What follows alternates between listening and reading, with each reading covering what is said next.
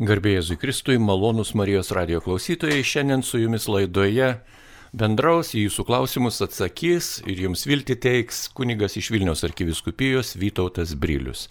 Jam talkins Liutauras Serapinas prie pulto ir, e, na, kviečiame jūs, kaip visada, aktyviai dalyvauti šioje laidoje, bet pagal temą, pagal tam tikrą, na, kultūringumą ir mūsų krikščionišką nuostatą. Neužduokite klausimų, kurie yra susiję ne su bažnytiniu gyvenimu ir ne su tikėjimo reikalais. Taigi sveikinuosi su gerbiamu kunigu Vytautu, Briliumi ir linkiu jam gražios laidos. Garbėjai Jėzui Kristui. Per amžius, Samė. Ačiū. Taigi yra viena žinutė, netgi dvi, Ir galbūt nuo jų ir pradėkime. Viena žinutė iš, iš jų tokia. Šventas Jonas buvo nužudytas. Už ką jam buvo skirta mirties bausmė? Šventas Jonas Krikštytojas. Jonų buvo daugiau negu vienas labai šventų. Šventas Jonas Krikštytojas skelbė Jėzų ateinantį ir kaip daugelis pranašų, o Jonas buvo pranašas, paskutinis Senojo testamento pranašas, kaip daugelis pranašų jis e, vedė, kalbėjo apie moralę. Ir apie moralę aišku, lengviausia kalbėti apie aukštų pareigūnų, politikų moralę. Ir jis daug kalbėjo apie Erodą, kuris gyveno su savo brolio žmona.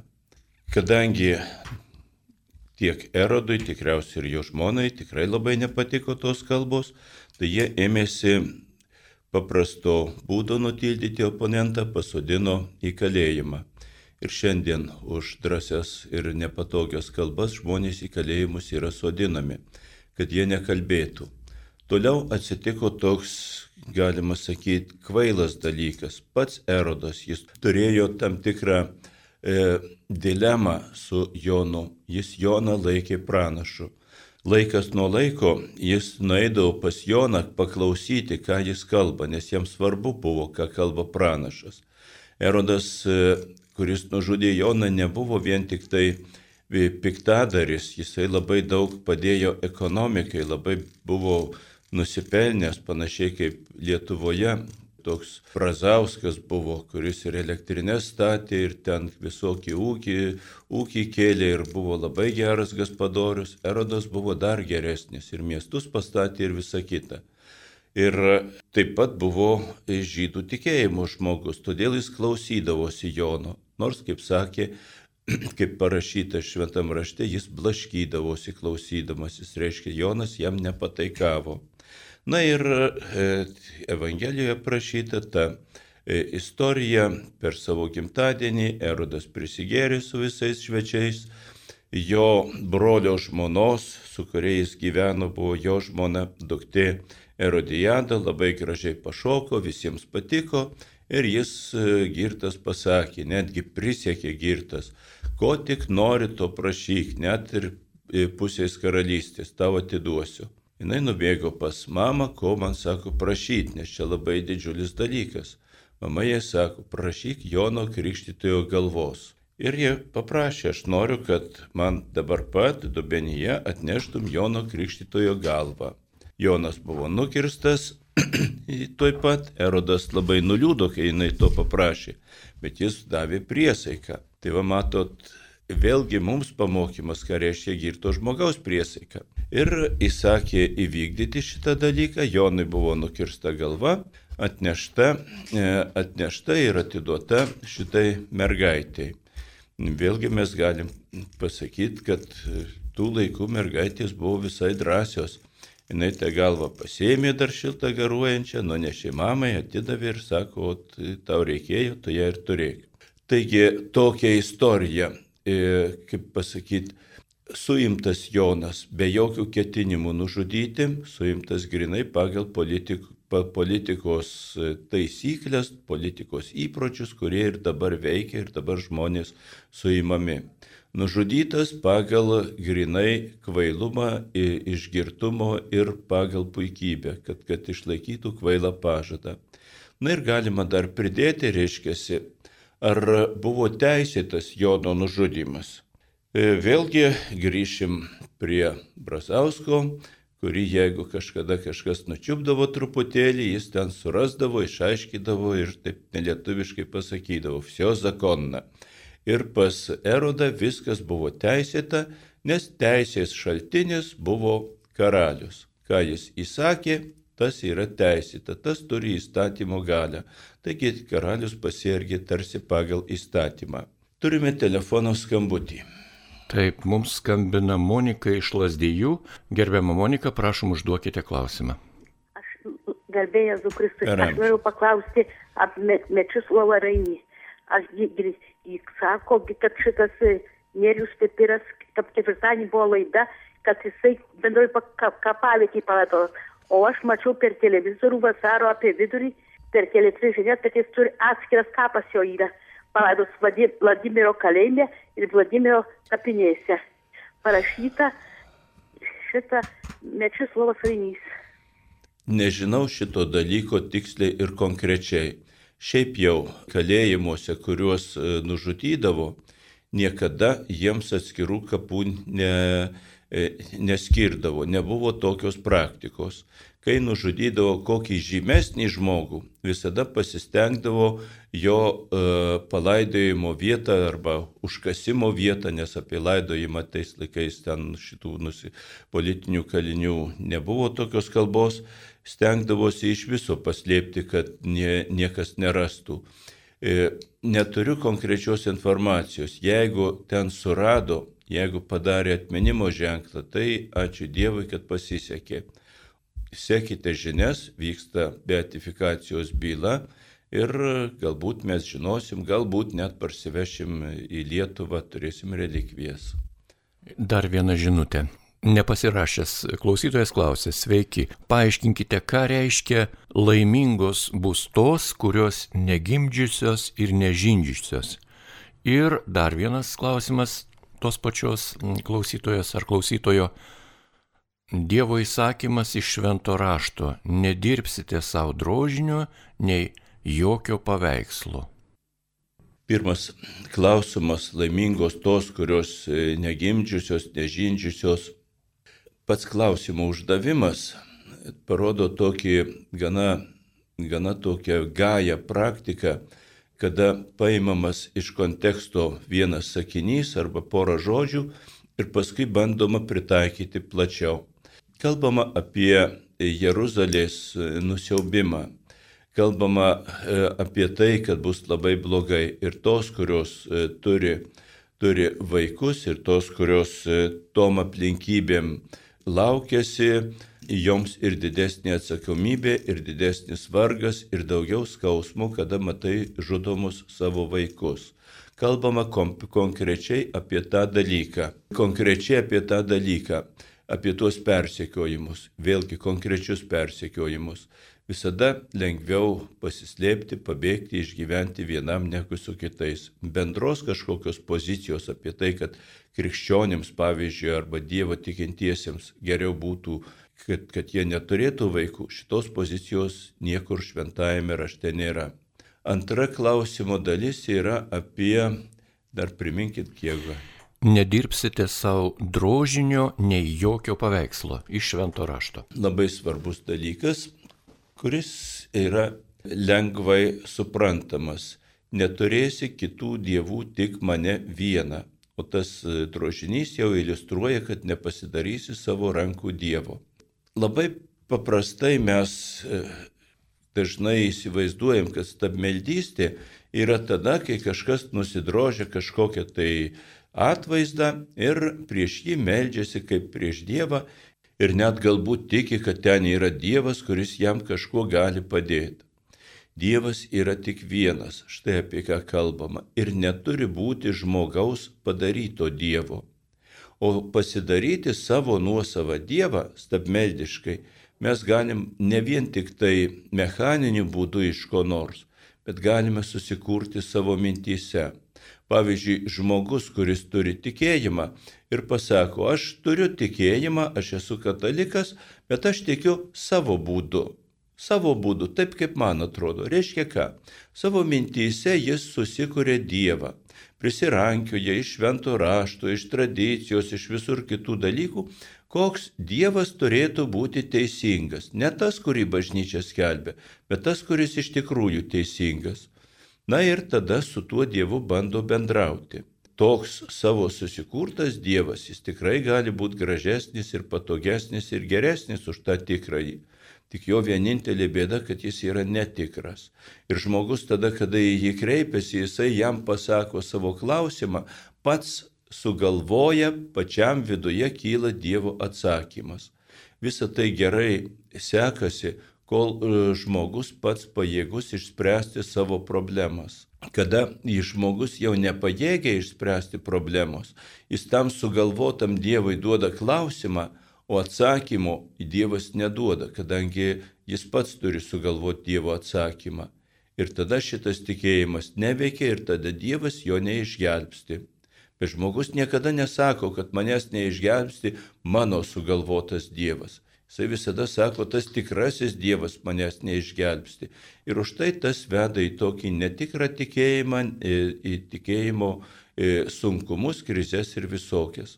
Taigi, nedroši, tai ne tik nedroši, bet aplamai nesugalvosi savo tokio Dievo, kuris tau pat patogus.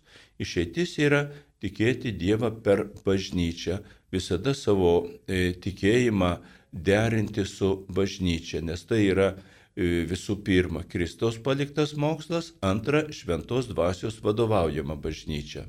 Turim telefono skambutį. Mums paskambino Gita iš Vilnius, taigi gerbiama Gita, prašom užduokit savo klausimą. Gerbiama Gita, užduokite klausimą. Aš norėjau sužinoti, jeigu tai galima aišku atsakyti, numirus kūnas eina į žemę, siela keliauja ten, kur jau jinai užsitarnavo, o kur dingsta angelas sargas, jisai visada būna visą laiką ir jis paskui irgi palieka. O jūs norėjot paklausti, ar jis blaškosi tarp e, ten, kur yra siela ir to kapo? E, ne, ang... pagrindė, kur angelas sargas dingsta.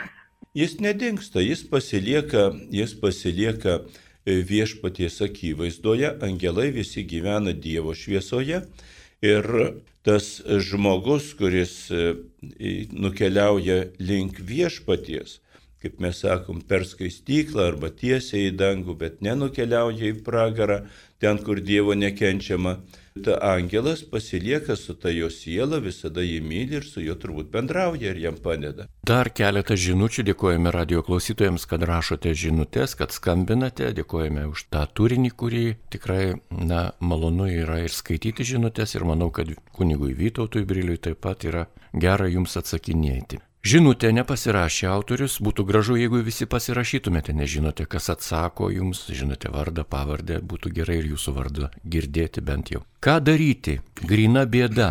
Visai neina melstis. Man virš 80 metų, pirmiau galėdavau melstis, kad ir keturias valandas iš eilės. O dabar galva puola spiečius minčių, kovoju iš visų jėgų, nepadeda. Dabar mane Dievas išspjaus ar visi šventieji pasenė tobulai meldėsi? Manau, kad kuo šventesnis žmogus, tuo tobuliau meldėsi. Maldos esmė yra, tai yra pokalbis su Dievu, bendravimas su Dievu. Ir kada mes turime mūsų mylimus žmonės, atsakysim, jūs meldėtės daugybę metų, reiškia, ir sulaukėt jau gražaus amžiaus. Būna žmonių, kad e, santokoje išgyvena ir pasipeša kartais, pavarksta vienas nuo kito, bet vis tiek vienas kitą myli. Ir moka būti kartu, net ir nekalbėdami. Nebūtina visą laiką kažką kalbėti. Bendravimas yra ir tada, kai gali tiesiog pabūti su tuo e, asmeniu, su kuriuo tu nori pabendrauti. Ir todėl kasdieniniai maldoj turėtų būti kaip ir, nu taip, kasdieniniai krikščionio maldoj turi būti keturi pagrindiniai elementai. Tai Dievo garbinimas, dėkojimas, atsiprašymas ir maldavimai. Galima, jeigu pripratęs ilgai melstis, o mintys blaškosi, galima sukalbėti būtiniausias maldas. Aš dar vaikystėje bandžiau, e, tai neskubant, tėvė mūsų sveika Marija garbė Dievui, išeina neskubant susikaupus maždaug 45 sekundės. Tiek laiko paprastai gali daugelis žmonių išlaikyti savo mintį prie maldos. O paskui galima tiesiog būti šalia Dievo, savo mintimis būti šalia Dievo ir tai bus malda. Galima, kai ateina įvairiausios mintys apie žmonės reikalus, galima tas mintis perpasakoti savo Dievui ir tai bus malda. Ir jeigu kasdieniniai dalykai yra perpasakojami Dievui, tai tada ir ateina minčių, kaip tuos dalykus išspręsti pagal Dievo dvasę. Taip kad nenusiminkit, jeigu sunkiai sekasi melstis, viskas tvarko, jeigu žinosit, kad tai yra bendravimas su Dievu, o ne kažkokiu tai pratybų atlikimas. Dar viena žinutė. Garbė Jėzui Kristui. Noriu paklausti, ar ligonių sakramentą teikiant žmogui ligoninėje būtina degti žvakę prie ligonio, ar ne? yra dalykai, nu kaip pasakyti, tas būtinumas toksai. Būtina prieš valgį persižegnoti, ar ne? Bet jeigu nepersižegnoji, irgi pasisotini. Būtina, nežinau, kažkaip tai daugelį apieigų atlikti. Apiegos yra nustatytos dėl susikaupimo, dėl viso kito, tačiau sakramento esmė tai yra žmogaus suvokimas, koks sakramentas vyksta ir, ir ką jis turi daryti ligonių patepimo metu, tai pagrindinis dalykas ligonio yra galėti su žnuodėmis ir kunigo ištariami žodžiai ir atliekami veiksmai. Visos žvakės ir, ir kita ta liturginė tokia aplinka, kryžiai, jie papuošia aplinką, padeda susikaupti, bet jie nėra esminiai sakramento teikimui. Netgi gali būti aplinkybių, kada tos e, liturginės detalės jos gali kažkam kažkuo trukdyti. Vienas, sakysim, kryžių pasistato uh, ir meldžiasi, o kitas pamato kryžių ir keikiasi. Čia aš tokį pavyzdį tik duodu. Tai gal geriau tada be kryžiaus pasimelsta ir anas nesikeiks. Būna tokių situacijų, kurias reikia spręsti išmintingai būtent konkrečiu atveju. Turim skambinti. Mums paskambino Janina iš pasvalio. Prašom, Janina, užduokite savo klausimą. Garbėjai Kristui. Per amžius. Norėjau paklausti, norėjau paklausti, ar ligonių sakramentas teikiamas gyviesiems ar mirusiems? Visi sakramentai teikiami tik tai gyviesiems. E... Taip, o aš, nuėjau, o aš nuėjau kunigo, paprašiau, kad suteiktų man ligonių sakramentą, o kunigas man pasakė mirties arba, arba to, arba operacijos atveju. E, kunigas vietoje sprendžia, kam reikalingas sakramentas. Ligonių sakramentas yra teikiamas lygoje. Jeigu žmogus, pavyzdžiui, tiesiog nu, turi kažką panašaus į nusilpimą, į senatvę, ten dar kažką tokią, kar, gali kartais turėti tokią ilgą ir, ir nepraeinančią lygą, su kuria jis tiesiog gyvena tai toje lygoje galima vieną kartą suteikti sakramentą, bet nedažnai. Jeigu atsitinka konkreti lyga kažkokia, tai tada sakramentas dėl atskiros lygos teikiamas. Šiaip jau ligonių sakramentas nerekomenduojamas teikti dažniau kaip du kartus per metus. Jeigu e, per metus jau suteikiai sakramentą, ir kažkokio tai kitos rimtos lygos neatsirado, tai nereikia. Jis teikiamas tikriem ligonėm konkrečioje lygoje. Konkrečiu atveju sprendžia sakramento teikėjas. Toje pačioje žinutėje dar buvo parašyta, kad kartu dėkoja gerbiamam kunigui Jordanui Kazlauskui už 11 metų teikiamą nuoširdžią religinę dvasinę sielo vadinę, psichologinę pagalbą ir iš mokslo žinių pasidalinimą su kitais žmonėmis. Tai prašo Stanislava Juzonytė, Ilona Laukaitienė bei kiti parapijos žmonės ir visų neišvardysi. Taigi, dar viena žinutė. Ačiū, kad rašote žinutės, į kurias gali kunigas atsakyti. Šiandien prie mikrofono jums patarnauja kunigas iš Vilniaus arkiviskupijos Vytautas Brilius. Dievas yra asmuo, o ar angelai yra asmenys tokia žinutė? Taip, angelai yra asmenys. Kiekvienas angelas yra asmuo. Vienintelis ir nepakartojamas, kaip ir kiekvienas žmogus ir be abejo Dievas.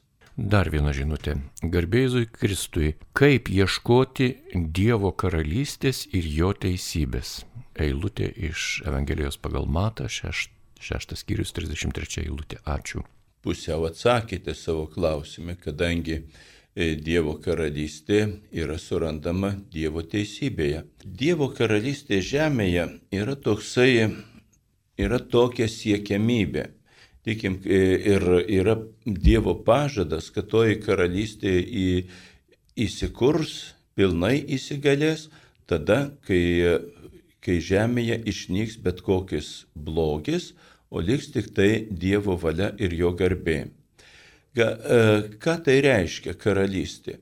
E, kažkieno karalystė, pavyzdžiui, Dievo karalystė, yra ten, kur yra Dievo valdžia. Ten, kur tavo valdžios nėra, ten nėra ir tavo karalystės. Nors gali, gali vadintis, kad ten yra mano karalystė, bet iš tikrųjų bus tada, jeigu ten, bus, e, jeigu ten turėsi valdžią kaip pamatyti, ar yra valdžia. Jeigu yra vykdomi tavo įsakymai, jeigu vykdoma tavo valia, reiškia ten turi valdžią. Ir todėl Dievo karalystė yra ten, kur yra vykdoma Dievo valia. Ir tas mus džiugina, kadangi Dievo karalystė pirmiausia gali atsirasti kiekvieno mūsų asmenyje, kai mes vykdom Dievo valią.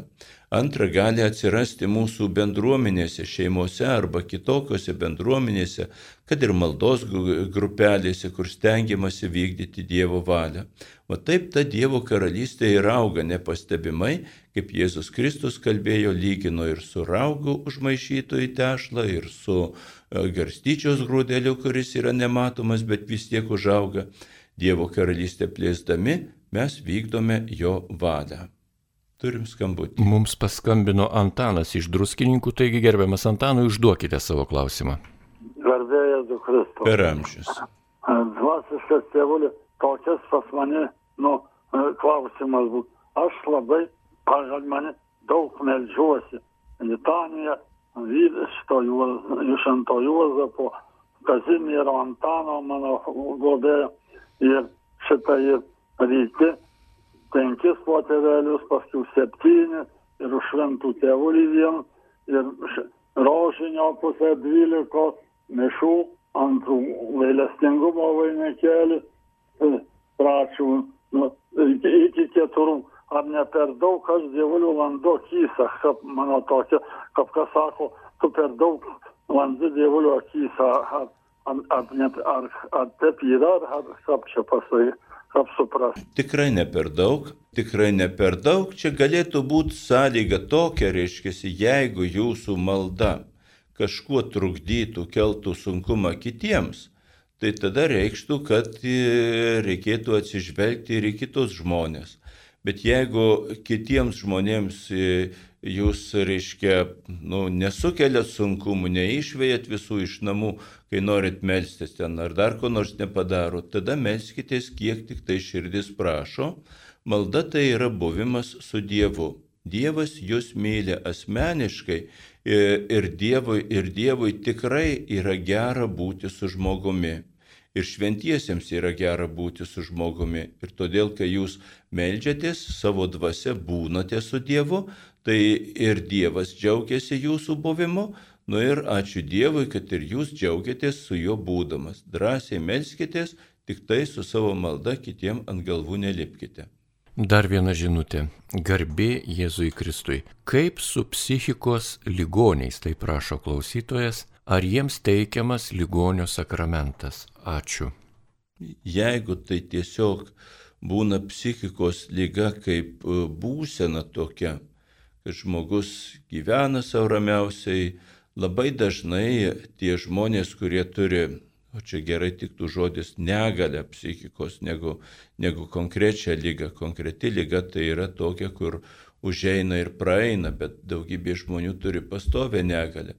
Dauguma tokių žmonių, jie puikiai jaučiasi, jie žino, kad su jais viskas tvarkoj, jiem gyventi yra smagu ir patogu, jie yra teisingi e, visuose dalykuose Ir e, sakramentų, sakramentų tokiems žmonėms dėl šitos negalios nereikia.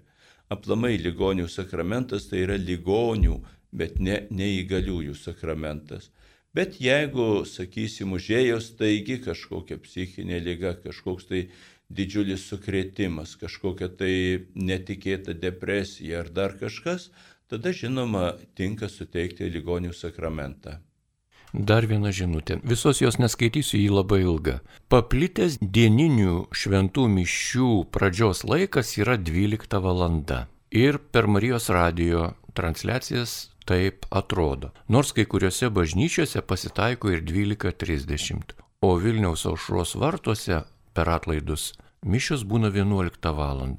O kuo remiantis aušros vartuose taip sudarytas mišių tvarkaraštis, kadangi jūs patarnaujate šitai parapijai, gal porą žodelių.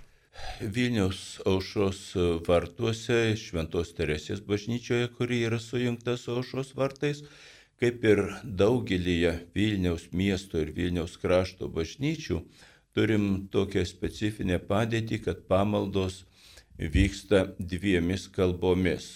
Čia kai kas tuo džiaugiasi, kai daugybė žmonių džiaugiasi visada galėdami e, dalyvauti pamaldose savo kalba.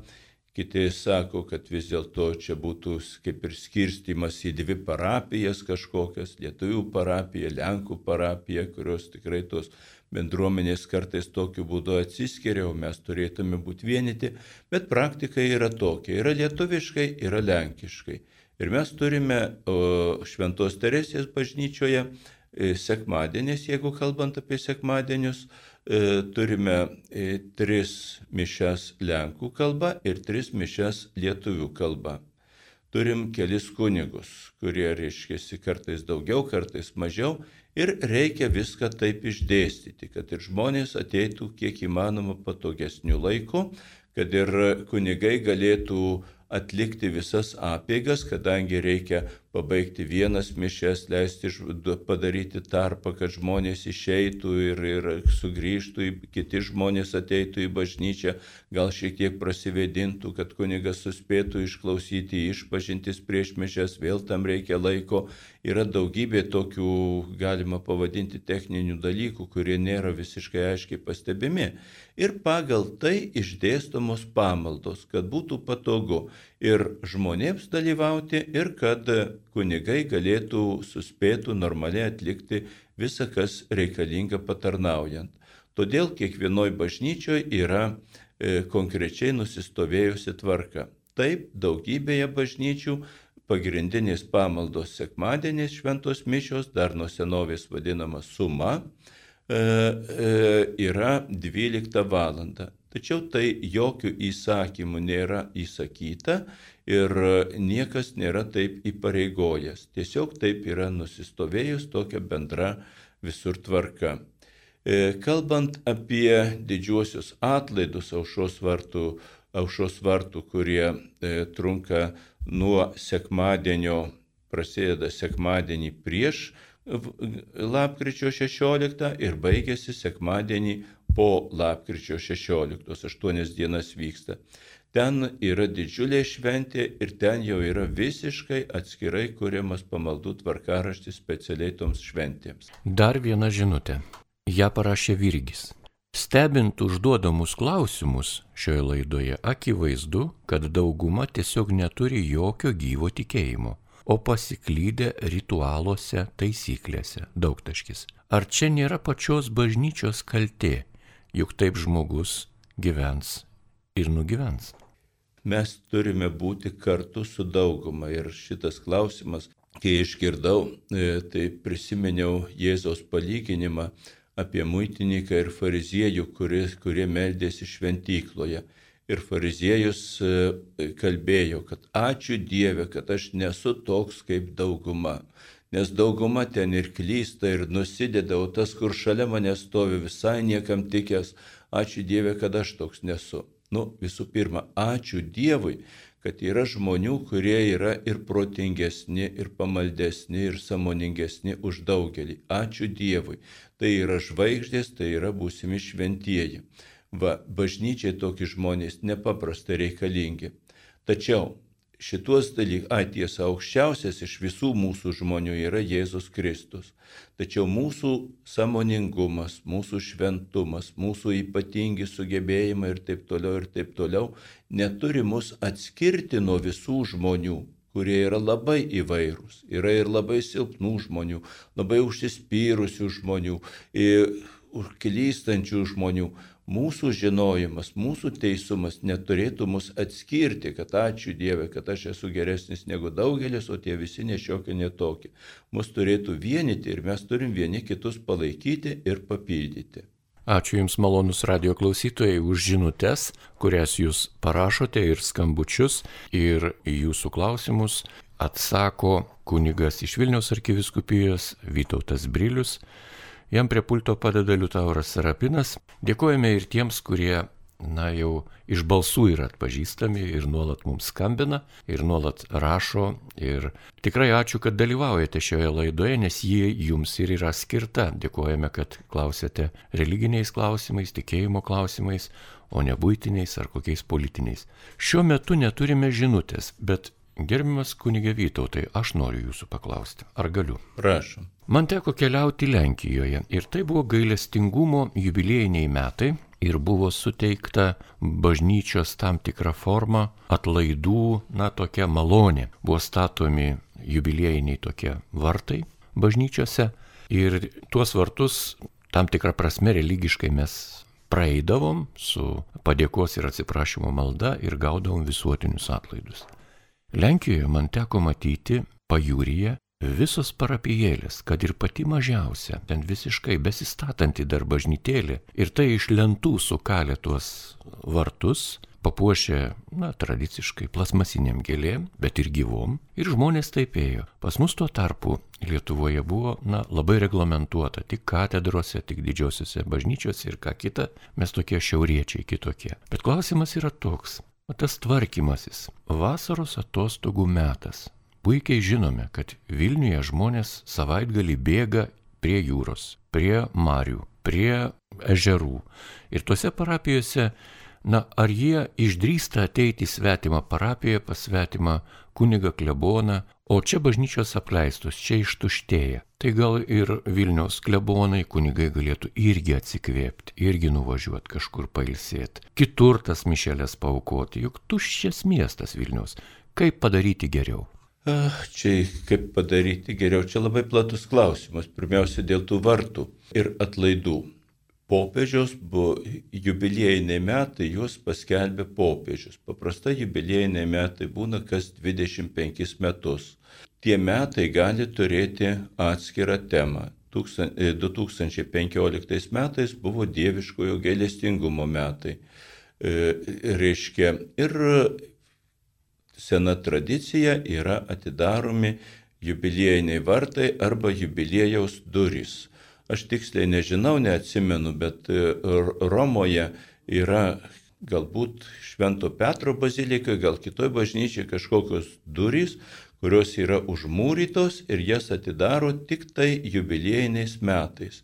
Ir kas per tas duris praeina, gauna visuotinius atlaidus, popiežius šitą privilegiją išplečia ir nustatė konkrečiai 2015 metais, kad visose katedrose, dar kai kuriuose bazilikose, žodžiu, buvo konkrečiai apibrieštas bažnyčių skaičius, skaičius, kur, e, kur gaunami visuotiniai atlaidai atlikus tas sąlygas, kurių viena yra e, pereiti per jubiliejinės e, tas duris, kurios paskirtos, kurios specialiai pas, pašventintos. Tačiau, jeigu žmogus gyvena kažkur kaime, kažkokioj parapijoje, negali ateiti ir panašiai ir panašiai, tai tokius simbolinius dalykus galima ten pasidaryti vietoj. Galbūt panašiai kaip mes norime praeiti Kristaus kryžiaus keliu ir apmastyti visas tas vietas, kur įvyko tie skaudus įvykiai. Mes ne, nevažiuojame visi į, į Izraelį ir, ir ten neatliekame šito dalyko. Mes turime kiekvienoje bažnyčioje kryžiaus kelią su paveikslais ir koplyčiose ir kitur visur šventorose kai kur, kur žmogus gali apeiti ir išmastyti. Taip ir labai gražus dalykas, kada pasistato pasistato tuos jubiliejinius vartus ir bent jau simboliškai savo parapijoje prisi, prisimena, praeina per tuos vartus, pasimeldžia tų visų malonių, kurios nustatytos, kur eina per jau tuos tikruosius vartus, žmonės negauna, jeigu ten nenustatytos malonės, tačiau dvasiškai jie pabūna su visais ir susivienyje. Ir dvasiškai susivienyje su Dievo malonė. Tikrai gauna e, didelę dvasinę naudą. Antra klausimo dalis dėl... Vasara. Vasara. Kunigai lieka didmeščiuose, nepailsėję, tuo tarpu parapiečiai išvyksta, išvažiuoja. Išvyksta parapiečiai, bet tikrai ne visi ir tikrai pasilieka tie tikintieji, kurių tikėjimas yra ypatingai svarbus ir kurie nepaprastai kenčia, jeigu pritrūksta kokiu nors pamaldų. Todėl kunigai aukojasi ir sėdi.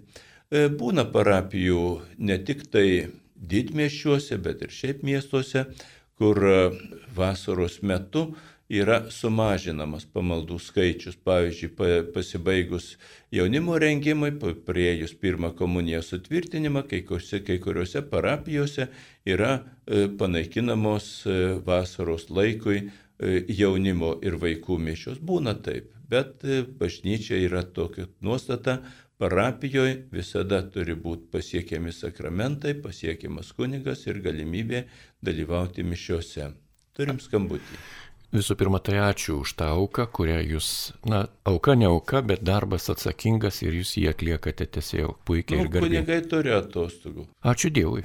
Taip ir turi būti. Susikeičia išskyrus klebonus. Jeigu yra parapijoje vienas vienintelis klebonas, kitų kunigų neturi, tai jisai atostogas turi, nu, kas 30 metų panašiai. Yra viltis, lieka viltis. Taigi skambina mums Jonas iš Kretingos, ačiū gerbiamas Jonai, kad palaukėte, taigi užduokite savo klausimą. Garbė Jėzau Kristau. Per amžius. Mes esam skaitamo Evangelijoje įskiepyti į Čilvai alijumėtį. Dabar klausimas būtų toks kodėl bažnyčioje mes mažai meldamės už žydų tautą, už, juk mes jeigu nepalaikysim e, šitų šaknų, aš manau, kad mes tai skiepyti tos šakas irgi negyvensim. Jūsų labai geras klausimas, kadangi jūs žvelgiat labai plačiai į mūsų tikėjimą. Iš tiesų mes palaikom tą ryšį, visų pirma palaikom tą ryšį priimdami šventąjį raštą ir visas pranašystės, kurios buvo duotos žydų tautai.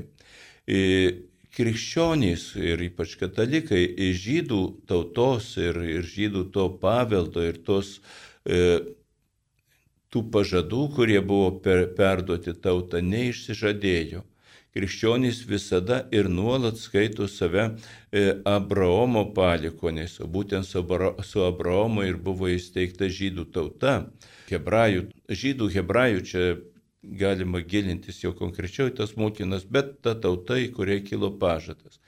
Ir dabar atsitiko toks dalykas, kad kai Dievas pabaigė savo apreiškimą, žydai kaip tauta, kaip institucija, žydų tauta tarp kitko yra religinis darinys, o, o, o ne politinis, bet savo gelmė yra religinis dalykas Kaip tauta ir institucija jie atsisakė krikščionybės ir atsisakė dalies to pareiškimo.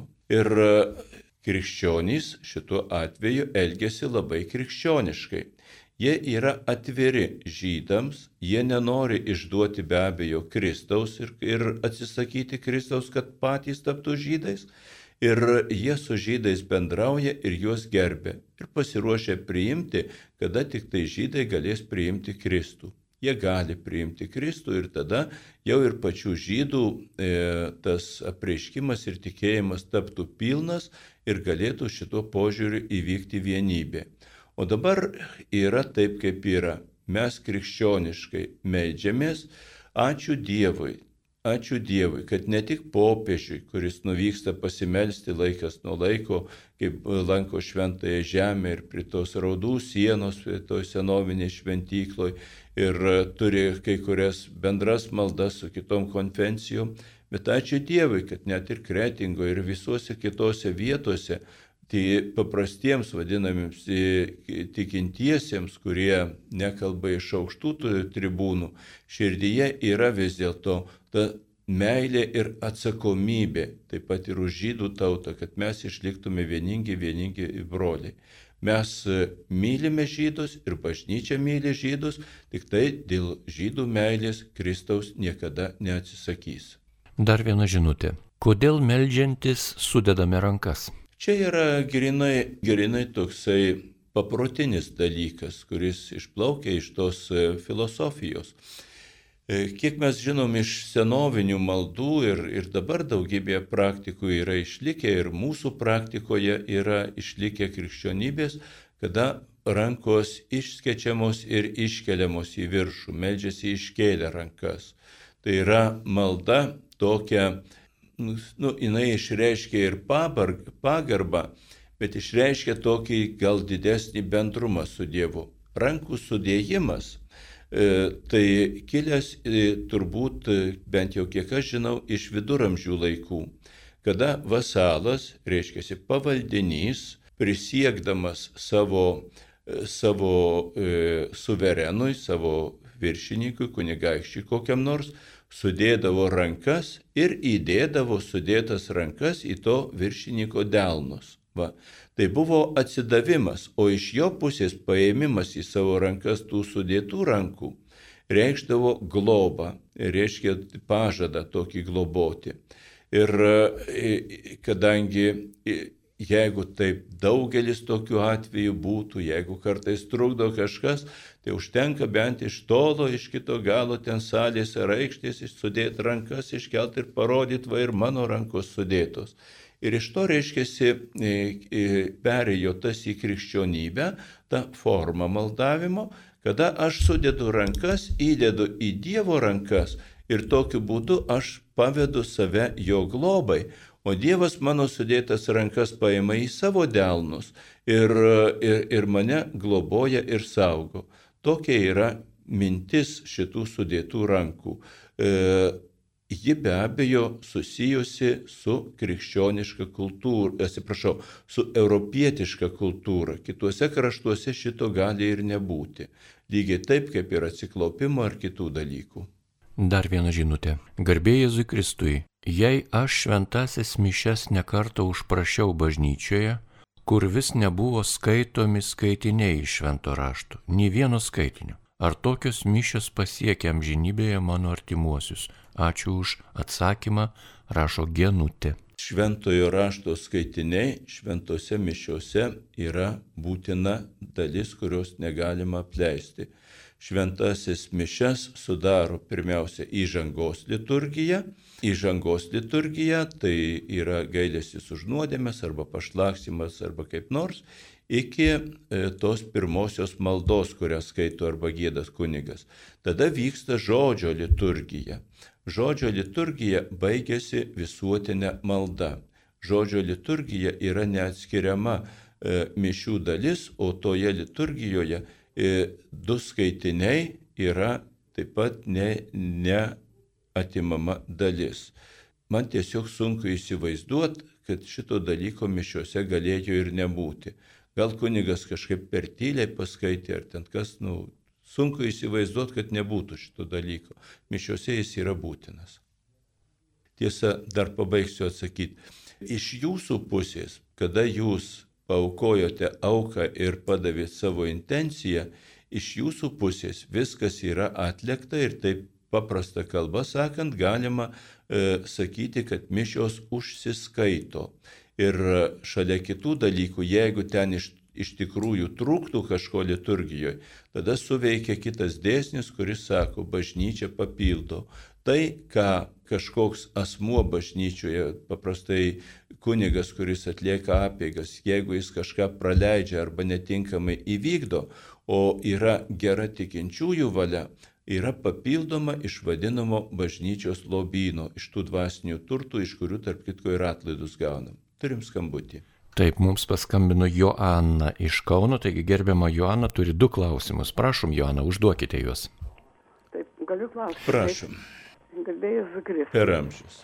Noriu paklausti, kaip atsirado šalia Jėzaus vardo, atsirado dar vardas Kristus. Taip. Nes Marijai Supratau pasakyta, klausimą. jos vardą tik Jėzus. O paskui dabar mes visą laiką dar prie Jėzaus pridedam Kristus. Supratau.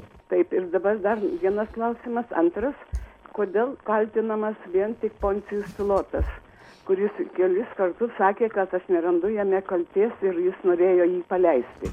o žydų iniciatyva jis vis tiek buvo nukryžiuotas. Mhm. Supratau, ačiū už klausimą.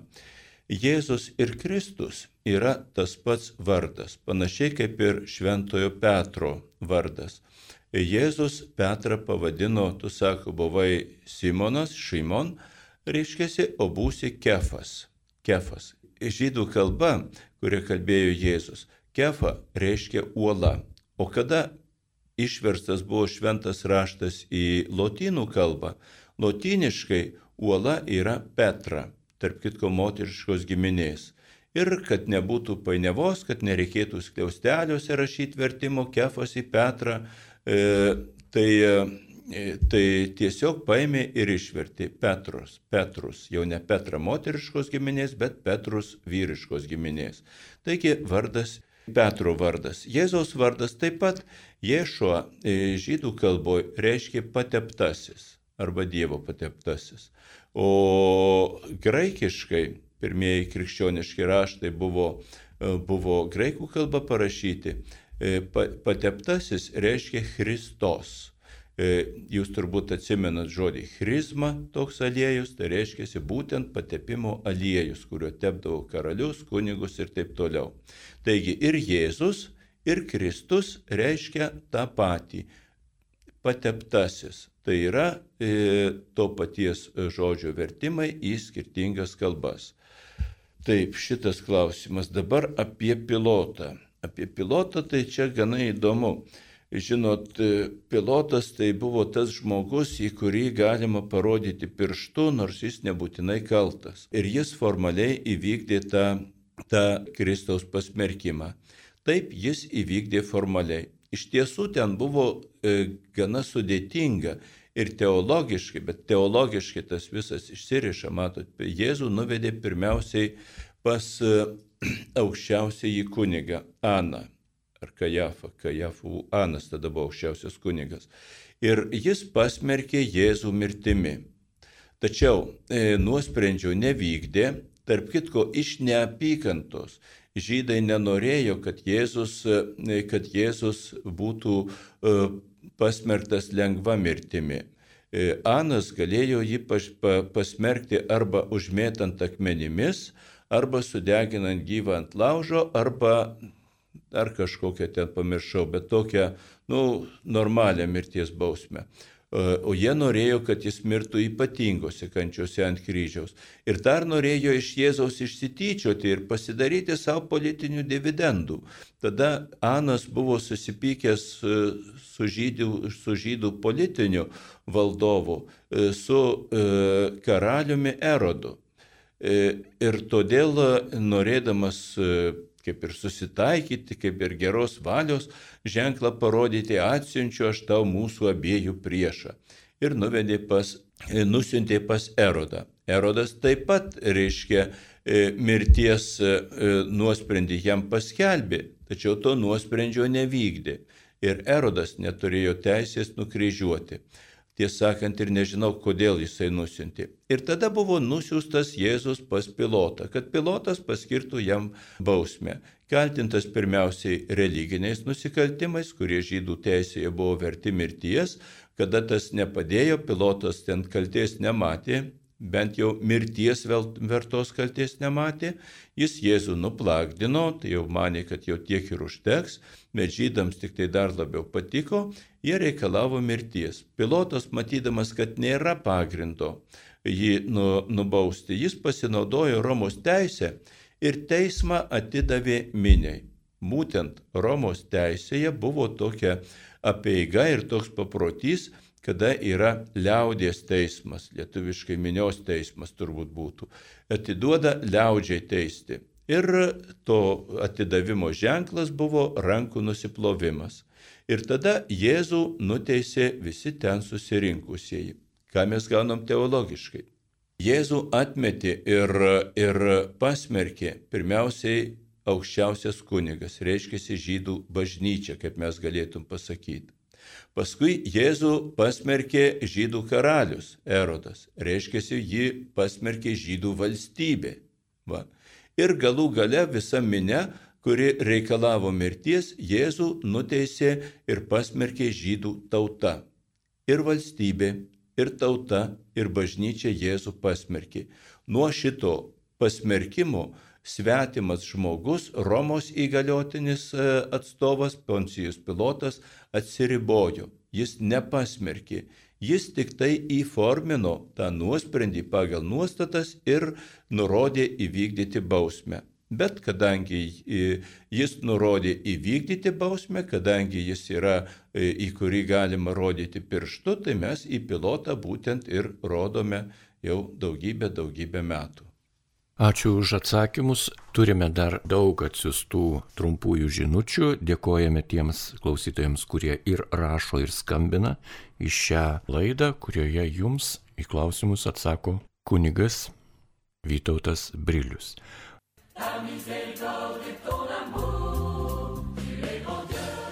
Pokalbių laida Klausk drąsiai.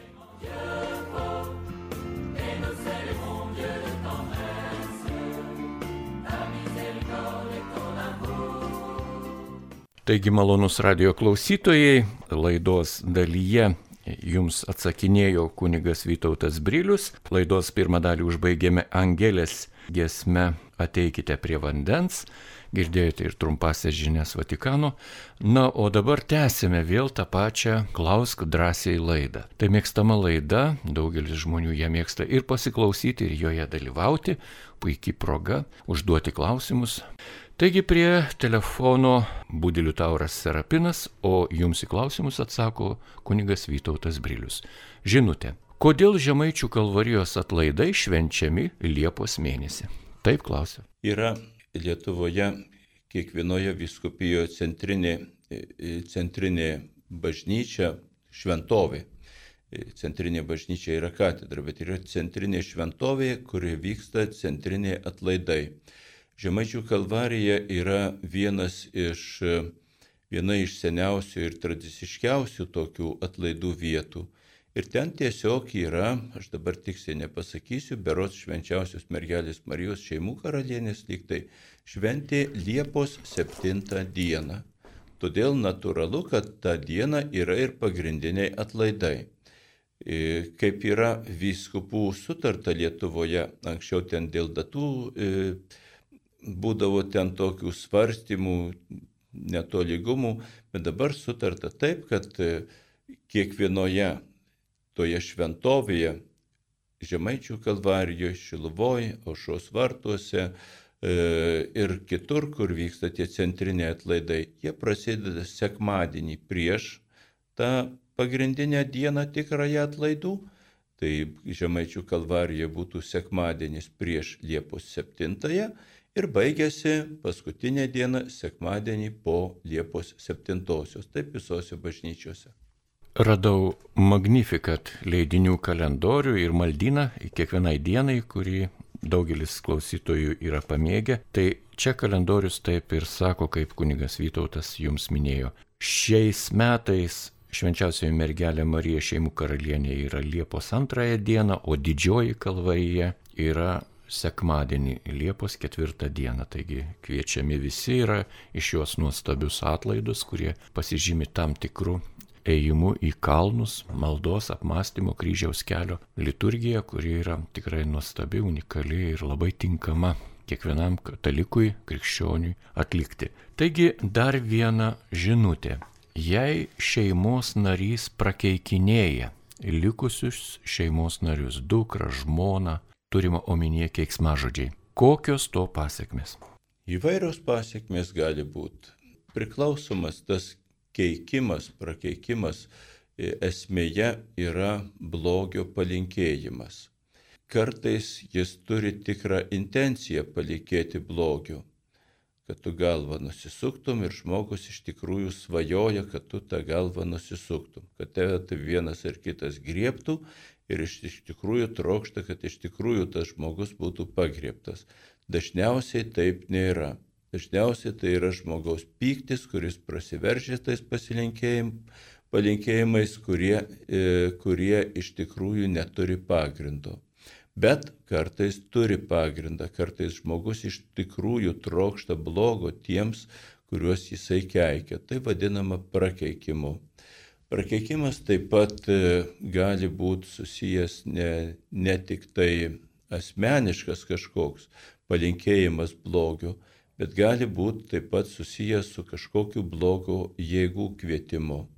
Va šitas prakeiksmas, jisai, nu kaip ir kiekvienas palinkėjimas, mūsų žodžiai nėra visiškai tušti. Net tada, kai mes jų patys nevykdome, jie neša kažkokias pasiekmes. E, kada ne vienas kalba, bet kada reiškia su tuo prakeikiančiu žmogum dar kažkokios piktos dvasios, piktos jėgos e, yra kviečiamos, jos taip pat veikia ir, ir todėl tas prakeikimas gali turėti e, stipresnių pasiekmių. E, kokios tos pasiekmes, vėlgi jų nenusakysi, nepasakysi, jos gali būti įvairios, gali būti tiesioginės, gali būti labai netiesioginės, visiškai nesuprantama, kas iš kur. O šiaip, nu ką, jeigu žmog šeimoje yra nekultūringas žmogus, kuris paprasčiausiai nemoka kalbėti, nesurėsga sakinio, nepasakęs kokio brudo, nu tai ir kaip pasakyti, reikia linkėti jam gero, auklėti ir mokyti. Jeigu yra tikrai piktas žmogus, nu irgi reikia bandyti, kiek yra įmanoma. Šiaip jau žmogaus piktumas arba nepiktumas, gero ar blogo linkėjimas, šitie įgūdžiai susiformuoja, susiformuoja jau vaikystėje. Ir dėl to pagrindinis dalykas, ir kurį reikia vykdyti, ir pagrindinė klaida, kuri atneša skaudžias pasiekmes, yra ta, kad tėvai neturi laiko su vaikais ir vaikams ir nebūna su jais kartu. O šitie dalykai įneša ir skausmo, ir širgėlos, ir keršto tam vaikui. Jis pasidaro piktas ir jau dažniausiai nenori keistis visą gyvenimą. Taigi, jeigu yra toksai dalykas, nu tai paprasta taisyklė, kiek yra įmanoma bandyti padėtį pakeisti, o kiek yra įmanoma prie tos padėties prisitaikyti, neprovokuojant, pasitraukiant, kada reikia, arba tiesiog iškri, iškenčiant Dievo garbę ir žmonių išganimui. Dar viena žinutė. Klausausi ir melžiuosi su Marijos radiju. Ar dar reikia melstis daugiau? Taip dar melžiuosi devindienius ir į bažnyčią nueinu dažnai, tai prašo Vita. Jeigu mes klausimą suprasime taip, kiek reikia melstis, tai vėl grįžtam prie pagrindo malda, tai yra mūsų bendravimas, asmeninis bendravimas, dar kitaip kalbant, pokalbis, jeigu tai žodinė malda, su viešpačiu Dievu. Dievas myli mus, reiškia, jis nori būti kartu. Mes mylime Dievą ir mes tada norime būti kartu. Buvimas kartu yra bendravimas, dalinimasis, e, pokalbis. Pokalbėje, tarp kitko, ne vien tik tai kalbama, bet ir klausoma. Todėl mūsų malda, mūsų buvimas su Dievu e, yra toksai įvairus. Kiek valandomis, minutėmis arba pagal teksto apimtis mes turime bendrauti su Dievu, detaliai nėra nustatyta. Yra kai kur kai kas nustatyta, pavyzdžiui, tiems e, visų pirma dvasininkams, o ir kitiems, kurie turi pareigą e, kalbėti liturginės valandas, jiems yra nustatyta, kiek jie turi kiekvieną dieną sukalbėti. Kitiems nėra nustatyta, todėl reikia žiūrėti į savo širdį, į savo meilę, meilę tarp kitko suprasti ne vien tai, kokia mano nuotaika, bet atsižvelgti į tai, kas patiktų Dievui ar šventiesiems, su kuriais bendraujame, ir pagal tai jiems skirti laiko. Dar viena žinutė. Garbė Jėzui Kristui. Kodėl žydai, nors ir būdami Abraomo palikonis, labai akcentuoja karalių Dovydą, nešioja ant kaklo pasikabinę Dovido žvaigždę ir iš viso labai jį sureikšmina, tai prašo Marija. Nu, Dovido žvaigždė vienu istoriniu periodu ir žydų priešai jiems kabindavo ir niekindavo tą žvaigždę. Abraomas yra žydų tautos ištakos. Per Abraomą žydai gavo nepaprastai didelius pažadus, kuriuos Dievas vykdo. Dėl to šitas dalykas yra be galo svarbus. Tačiau Dovydas buvo žydų politinės valstybės, e, e, valstybės ir politinės tautos viršūnė. Tai buvo tas, kuris apgynė nuo priešų, tai buvo tas, kuris sukūrė ekonominę gerovę, tai buvo tas, kuris įkūrė nepriklausomą žydų valstybę ir labai stiprią valstybę tuo metu. Todėl jiems yra labai svarbus būtent Dovydas dėl šitų dalykų. Dovydas, be to, buvo pamaldus žmogus, jisai sukūrė daug psalmių, buvo poetas, charizmatiškas tikriausiai žmogus. Dovydas gavo pažadą pranašai išpranašavo, kad e, iš jo giminės būtent kils Mesijas, kuris ateis įsteigti Dievo karalystės, kurią žydai tada suprato labai miglotai. Mes dėl to nesistebėm, kadangi ir mes daugelį dalykų suprantame miglotai ir teologai, netgi ne vien tik tai e, visi žmonės. Taigi e, ta ryški tokia spalvinga, vienareikšmė figūra, kuri tarp kitko žydus labai išaukština, labai miela jų širdžiai. Taip kaip galbūt palygikim lietuvių istorijoje labai mėgiamas yra Vytautas. Jis užkariavo žemės nuo, nuo jūrų lygi jūrų, jis ten buvo nepriklausomas ir panašiai ir panašiai. Nors daugybė buvo ir kitų labai svarbių, reikšmingų istorinių asmenybių. Paskambino dar klausytojas Vytautas iš Viduklės. Gerbiamas Vytautai, prašom užduokit savo klausimą. Garbėzui Kristui. Per amžius. Ar pas kiekvieną, pas kiekvieną žmogų yra šventoji Dievo dvasia? Šventoji Dievo dvasia yra duota bažnyčiai. Šventoji Dievo dvasia yra duota pasauliui. Ir kiekvienam žmogui šventoji dvasia yra pasiekiama. E, yra kai kurie žmonės, kurie, nu galima sakyti, duoda šventosios dvasios dovaną. E, pačia savo paskirtimi. Taip kaip vyskupai atlieka šventimus ir žmogus gauna e, šventosios dvasios dovaną, taip kaip, e, kaip e, vyskupai turi šventosios dvasios dovaną ir suteikia ją sutvirtinimo metu, tarp kitko krikšto metu vėl žmogus gauna irgi šventąją dvasę apieigose. Taip kad šventoji dvasia yra, galima sakyti, turi ją kiekvienas žmogus. Tačiau turėti šventąją dvasę ir, ir veikti kartu su šventąją dvasę yra skirtingi dalykai. Ir todėl aš nežinau, jeigu, jeigu kiekvienas žmogus, nu, sakykim taip, turi teisę e, protingai kažką pasakyti, ar jis būtinai kiekvieną kartą pasako kažką protingo. Jeigu žmogus turi kažkokią kvalifikaciją, pavyzdžiui, vidurinį išsilavinimą, Ar jis visada atskirs Antarktidą nuo Afrikos?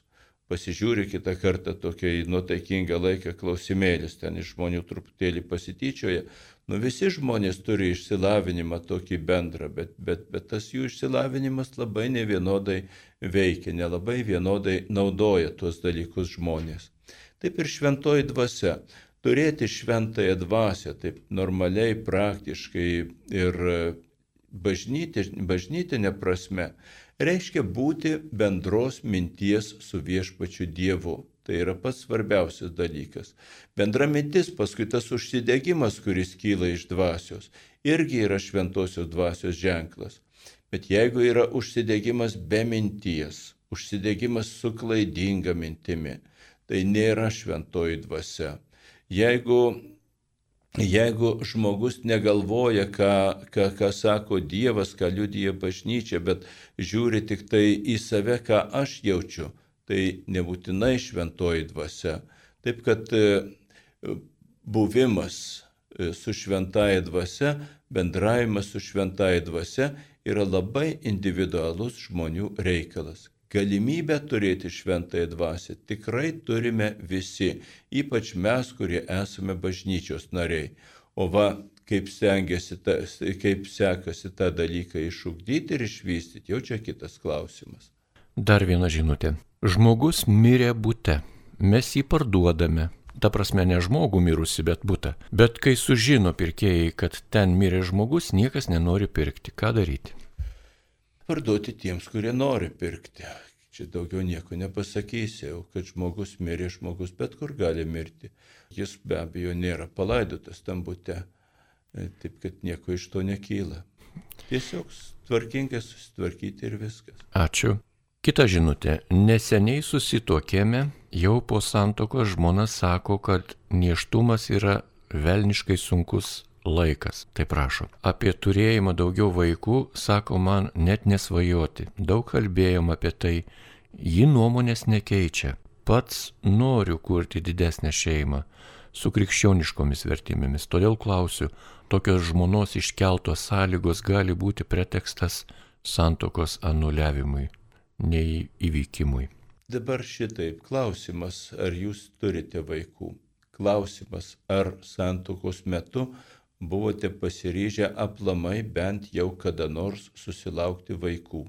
Tai šitas dalykas e, kalba apie, e, apie santokos galiojimą arba negaliojimą. Tikrai ir neštumas, ir vaiko auginimas yra tikrai labai sunkus dalykas. Tai yra įsipareigojimas, našta, ne visiems vienoda, kalbant apie moteris, tai čia ir nuo sveikatos priklauso, labai priklauso nuo psichologinių dalykų ir tarp kitko labai priklauso, priklauso nuo vyro dalyvavimo.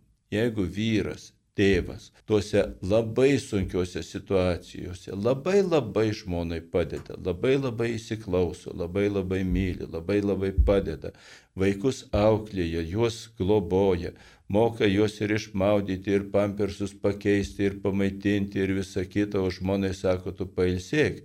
Tada galbūt lengviau būtų susitarti, susitarti ir dėl tų daugiau vaikų buvimo. Va, ir nereikia versti ten vienam ant kito. Jeigu jums kyla klausimas ir šitame klausime jau kyla problema dėl santokos galiojimo, aš čia išvelgčiau tokį dalyką, ar aš noriu ar nenoriu toliau pasilikti toj santokoj. Kažkada susitikot, vienas kito nepažinoja, ko gero, ar ne? Ir mokėjot vienas kitam parodyti, kokie jūs nuostabus. Mokėjote taip parodyti, kad susituokėt ir paskyrėt vienas kitam gyvenimą. Kur dingo šitie jūsų gebėjimai, kur dingo tas visas šaunumas. Įrodinkit ir šiandien vienas kitam, kad esate toks, kad geresnio niekur net ieškoti pradėti nereikia. Tada daugelis problemų išsispręs. Dar viena žinutė. Garbė Jėzui Kristui norėčiau sužinoti, kaip elgtis dalyvaujant šventose mišiuose per televiziją ir radiją. Ar galima tai daryti sėdint, ar būtina klauptis ir stotis, kaip bažnyčioje, kad daroma? Dėkoju. Konkrečios liturgijos nustatyta nėra bent jau man neteko girdėti, neteko matyti. E, atkreipkim dėmesį, būna tam tikros situacijos. Seniau, senoviniais laikais, dar mano jaunystės, paauglystės metu būdavo bent keletą kartų per metus ateini į bažnyčią ir tu net į šventorių nepaneįsigrūsi, nes pilna, pilna žmonių. Ir ant gatvės, ant šalygatvių, ant važiuojamos dalies aplinkui visur ten kažkur vyksta mišios, dar ne visada yra garsiakalbiai, nu, bet bandai sekti kiek nori. Ir niekas nesiklaupinė į tą purvą, nei nieko, tiesiog širdimi dalyvauja mišiuose. Aš manau, kad ir televizijoje, per televiziją e, dalyvaujant mišiuose, manau, kad nebūtina nei klauptis, nei, nei, nei, nei, nei stotis, nei nieko, tiesiog e, kiek įmanoma susidaryti tokias sąlygas, kad niekas netrukdytų susikaupimui ir susikaupti mintimis ties tais liturginiais veiksmais, kurie ten vyksta. Ir šito tikrai turėtų užtekti. Aš papildyčiau dar jūs, kunigė Vyto, tai teko kalbėti su vienu kunigu, ne iš Vilnius arkiviskupijos, iš kitos viskupijos kunigų, kurio tėveliai gyvena kaime. Ir kadangi kaime gyvenantys žmonės turi daug vietos, turi daug ir pastatų, patalpų, tai to kunigo tėveliai įsirengė mažą koplytėlę savo namuose ir jie, kai Marijos radijas transliuoja kokias pamaldas ar ką, jie ateina į tą koplytėlę, pailsi nuo darbų, pasėdi, pasimeldžia ir atsiklaupia. Kartai žmonės ir taip elgesi. Tikrai nedraudžiama ir geras dalykas. Jeigu yra galimybės ir, ir įsirengi va tokią erdvę, koplytėlę pavadinkime, tai ten be abejo ir tinka atlikti apėgas kiek įmanoma. Dar viena žinutė. Garbėjai Kristui rašo Teresė iš Vilnius. Ar verta žiūrėti televizijos serialą Naujasis popiežius? Dėkoju.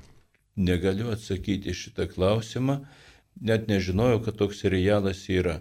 Aš turiu televizorių, bet įjungiu galbūt kokius 3 valandas per metus ypatingom progom. Dar viena žinutė. Aldona iš Kauno rašo. Sveiki. Valdžia vis įžūliau eksperimentuoja su žmonėmis. Kodėl bažnyčia tyli? Pirmas dalykas, kas yra bažnyčia? Bažnyčia tai yra e, katalikų bažnyčia, tai yra nu, bent jau 70 procentų Lietuvos gyventojų. Kodėl reiškia bažnyčia? Tai mes visi renkam tokią valdžią.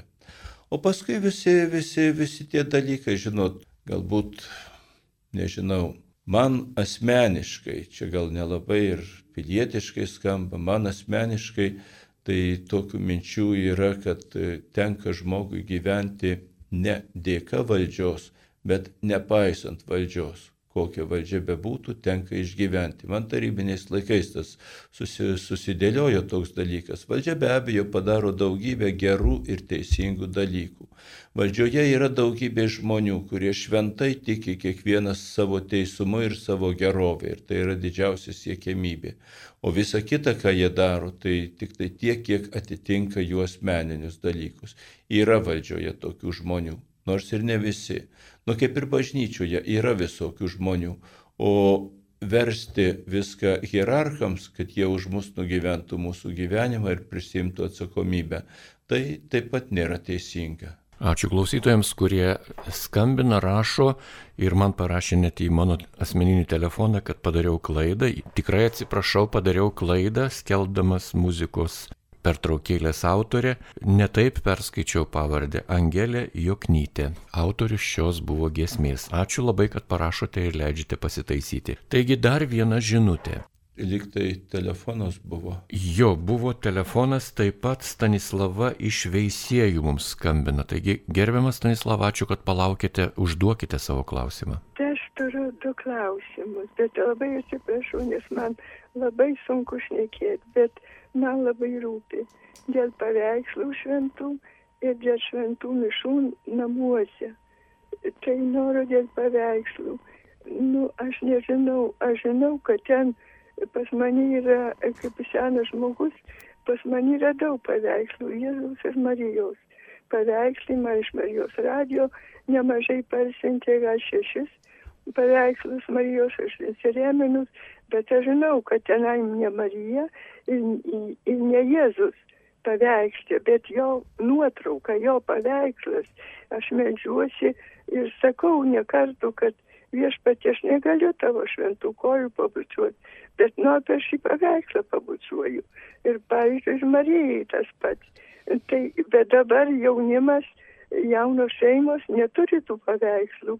Ir kaip dabar buvo užklausimas dėl tų paveikslų, tai lik ir, ir negerai, kad laikai ir tuos paveikslus per daug gerbi. Tai va tokias pa, klausimas ir paskui dėl šventų mišių. Nu, aš namuose, nu, bažnytėlį nuveža dažnokai, bet ne, ne visai dažnai. Nes pas mane namuose kunigėlis atvažiuoja nes man labai jau ligonis. Nu tai kaip kartais šventas mišas, nu ir šokiadienį, dabar ketvirtadienį, šventas mišas vyksta, medžiuosi, atvažiuoja dukra iš miesto. Nu ir kaip man prieš pat pakilėjimą aš išjungiau radiją. Tai aš nežinau, kaip elgtis iš šokiadienį ir kartais papuola sekmanį vieną kartą. Tai medžiausi, neklausiau jų, dvi dukros atvažiavo ir šitą, nu, aš medžiausi, tai jo sako, važiuojam namo, nesim trukdom. Nu, tai nežinau, labai noriu paaiškinti, kaip, kaip man elgtis. Tai va tokie klausimai man. Mhm. Tokie klausimai. Dėl paveikslų nieko blogo ir labai gerai yra tokia praktika išplitus visame pasaulyje, kad žmonės, jeigu negali atlikti konkretaus veiksmo, jie atlieka simbolinį veiksmą. Nu, jeigu pradėsim nuo senovės, nuo nekrikščioniškų laikų, e, saulė, saulė grįžos šventė, ties kurio buvo apytiksiai prie jo pritaikyta dabartinės mūsų užgavėnės, žmonės džiaugiasi, kad pradeda ilgėti diena, e, e, kad jau diena darosi ilgesnė, jie rituališkai suvalgo saulę, bet saulės negali suvalgyti, tai išsikepa blyną apvalų kaip saulė ir dar karštą kurį laiką jį valgo. Lygiai taip ir, ir ne, nepasiekiam Jėzaus, ne, nepasiekiam Marijos ar ten šventųjų, e, norėtume ir apkabinti, ir pabučiuoti, ir per petį paploti kam nors, bet negalime atlikti veiksmų. Tai tą atliekam simboliškai per paveikslą. Kada jūs turite įvairių paveikslų savo namuose ir turite jaunimo, kuris tų paveikslų nelabai myli, ir ačiū Dievui turite sveiką protą ir, ir, ir, ir išmintį, būtų gerai, jeigu su savo vaikais susitartumėte, kurgi jie tuos visus paveikslus padės, kai jūs palaidos. E, kad jie nesivalkėtų be pagarbos kur nors. Tai va iš karto susitarkite, išsiaiškite, kad vaikai, kada mane palaidosit, tai tuos ir tuos paveikslus, rožančius, dar kažką, galbūt sudegykit, galbūt sunaikinkit, galbūt kažką ten prie kapo padėkit, va tuos dalykus susitart. Dėl šventų mišių, dėl šventų mišių labai turite už ką padėkoti Dievui ir visada būkite dėkingai ir džiaukitės, kad yra kas jūs nuveža į bažnyčią sekmadieniais. Tikrai Dievo dovana. Džiaukitės ir melskitės už savo kunigą, kuris jūs aplanko. Va, e, geras kunigas, kuris lanko, lanko savo tikinčiuosius namuose. O jeigu šiokedieniais ten e, žmonės turi įvairių darbų, reikalų, ir, sakysim, jūs gal ir turit galimybę daugiau skirti mišioms ir kit, kito, kitoms maldoms, o kiti, kurie su kurie su jumis gyvena, gal to nelabai turi.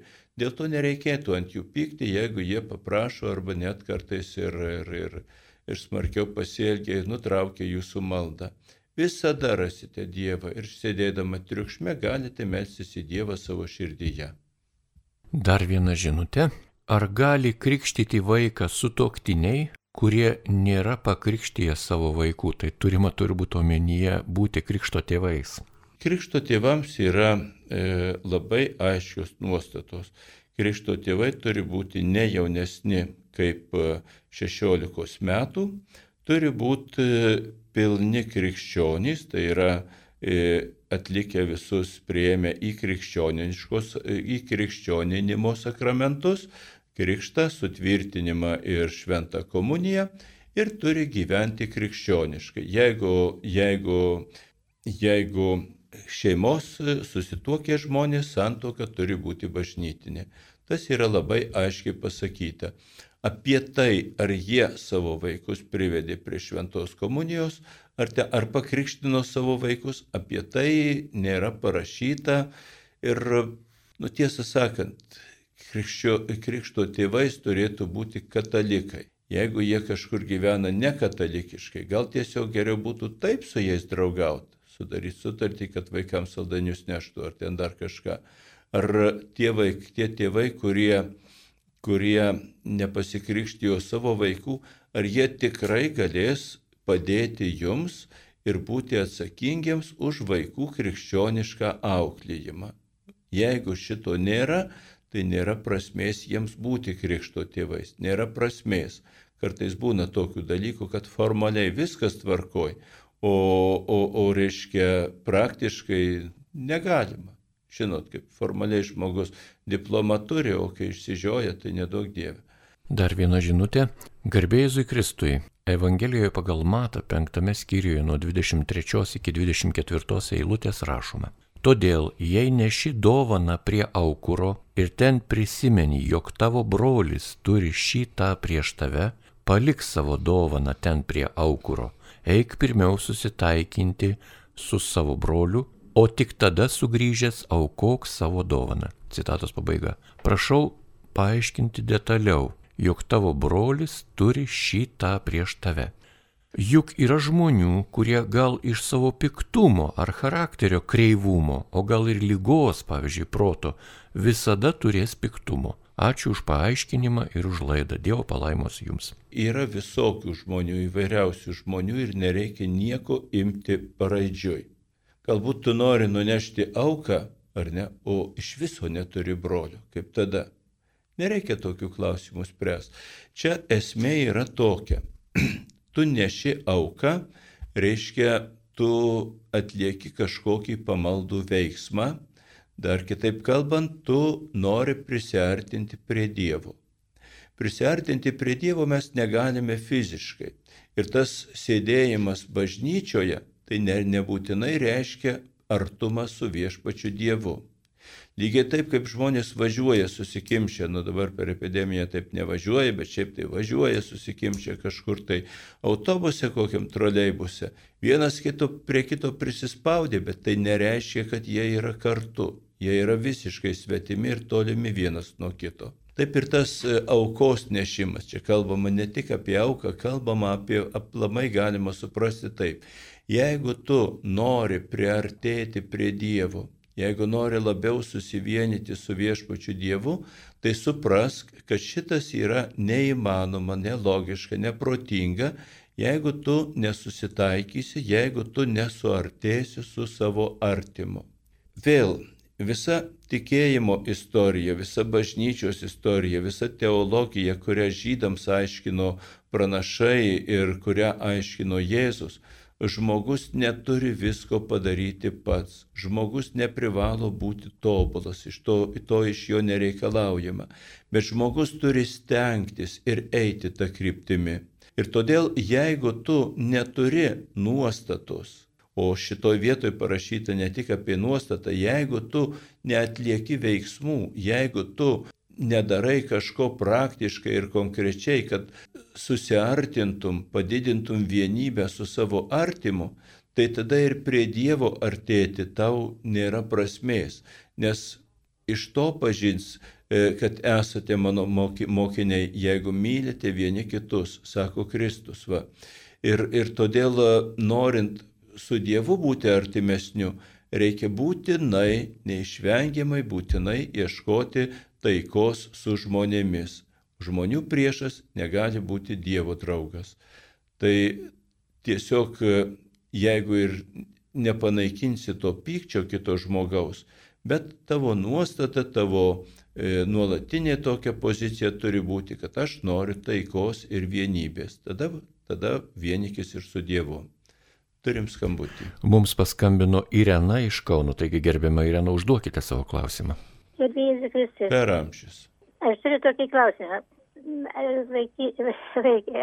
Kai anuką, paskui mažas anukas buvo gimęs ir ilgai nekrikštino, tai aš jį pakrikštino, bet paskui kaip krikštino jau po kiek laiko, tai aš kunigui to nepasakiau, ar tai labai blogai. Ar jūs pati jį pakrikštinot? Taip. Ar jūs pati jį pakrikštijot, ar, ar tėvams nežinant nunešėt pas kunigą? Paskui po to kunigą kvietė krikštyti kiek laiko. Tai, bet aš kunigui. O kiek amžiaus buvo vaikui? O kiek amžiaus buvo vaikui, kai jūs jį krikštijot? Prašau? Kiek buvo amžiaus tam vaikui, kiek metų turėjo, kai jūs pati jį pakrikštijote? Tai va, reiškia šitaip. O paskui tėvams pasakėt, Tai va, kad nepasakiau, nes kunigui nepasakiau. Ai ir nelyskit, nesakykit. Žodžiu, prisidirbot ir padarėt blogai. Taip negalima. Visų pirma, jūs neatsakinga už anūkų tikėjimą ir už anūkų krikštą.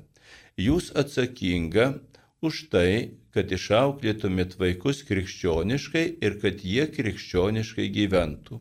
Jeigu, reiškiasi, jeigu e, nepasisekė vaikų išaukti krikščioniškai, reiškia melstis, toliau stengtis kiek įmanoma padėti, bet pasislėpus lysti jų šeimą ir krikštyti vaikus, tai pirmiausia pažeidžiate tėvų teisės, e, e, o antra, tikėjimo požiūriu tas mažai ką duoda.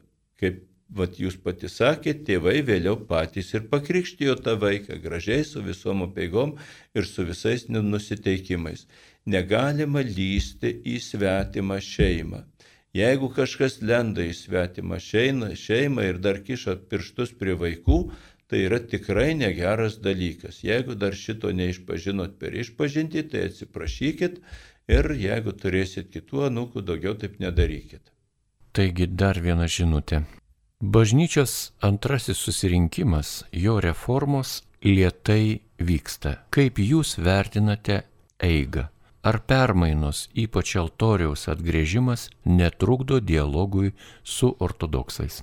Vienas iš svarbiausių dalykų, kur Vatikano antrajame susirinkime, nu, ten labai daug buvo svarbių dalykų, bet vienas iš tų esminių dalykų buvo taip pat e, oficiali bažnyčios nuostata, viešas paskelbimas, kad bažnyčia nori turėti dialogą e, su kitomis krikščioniškomis bažnyčiomis.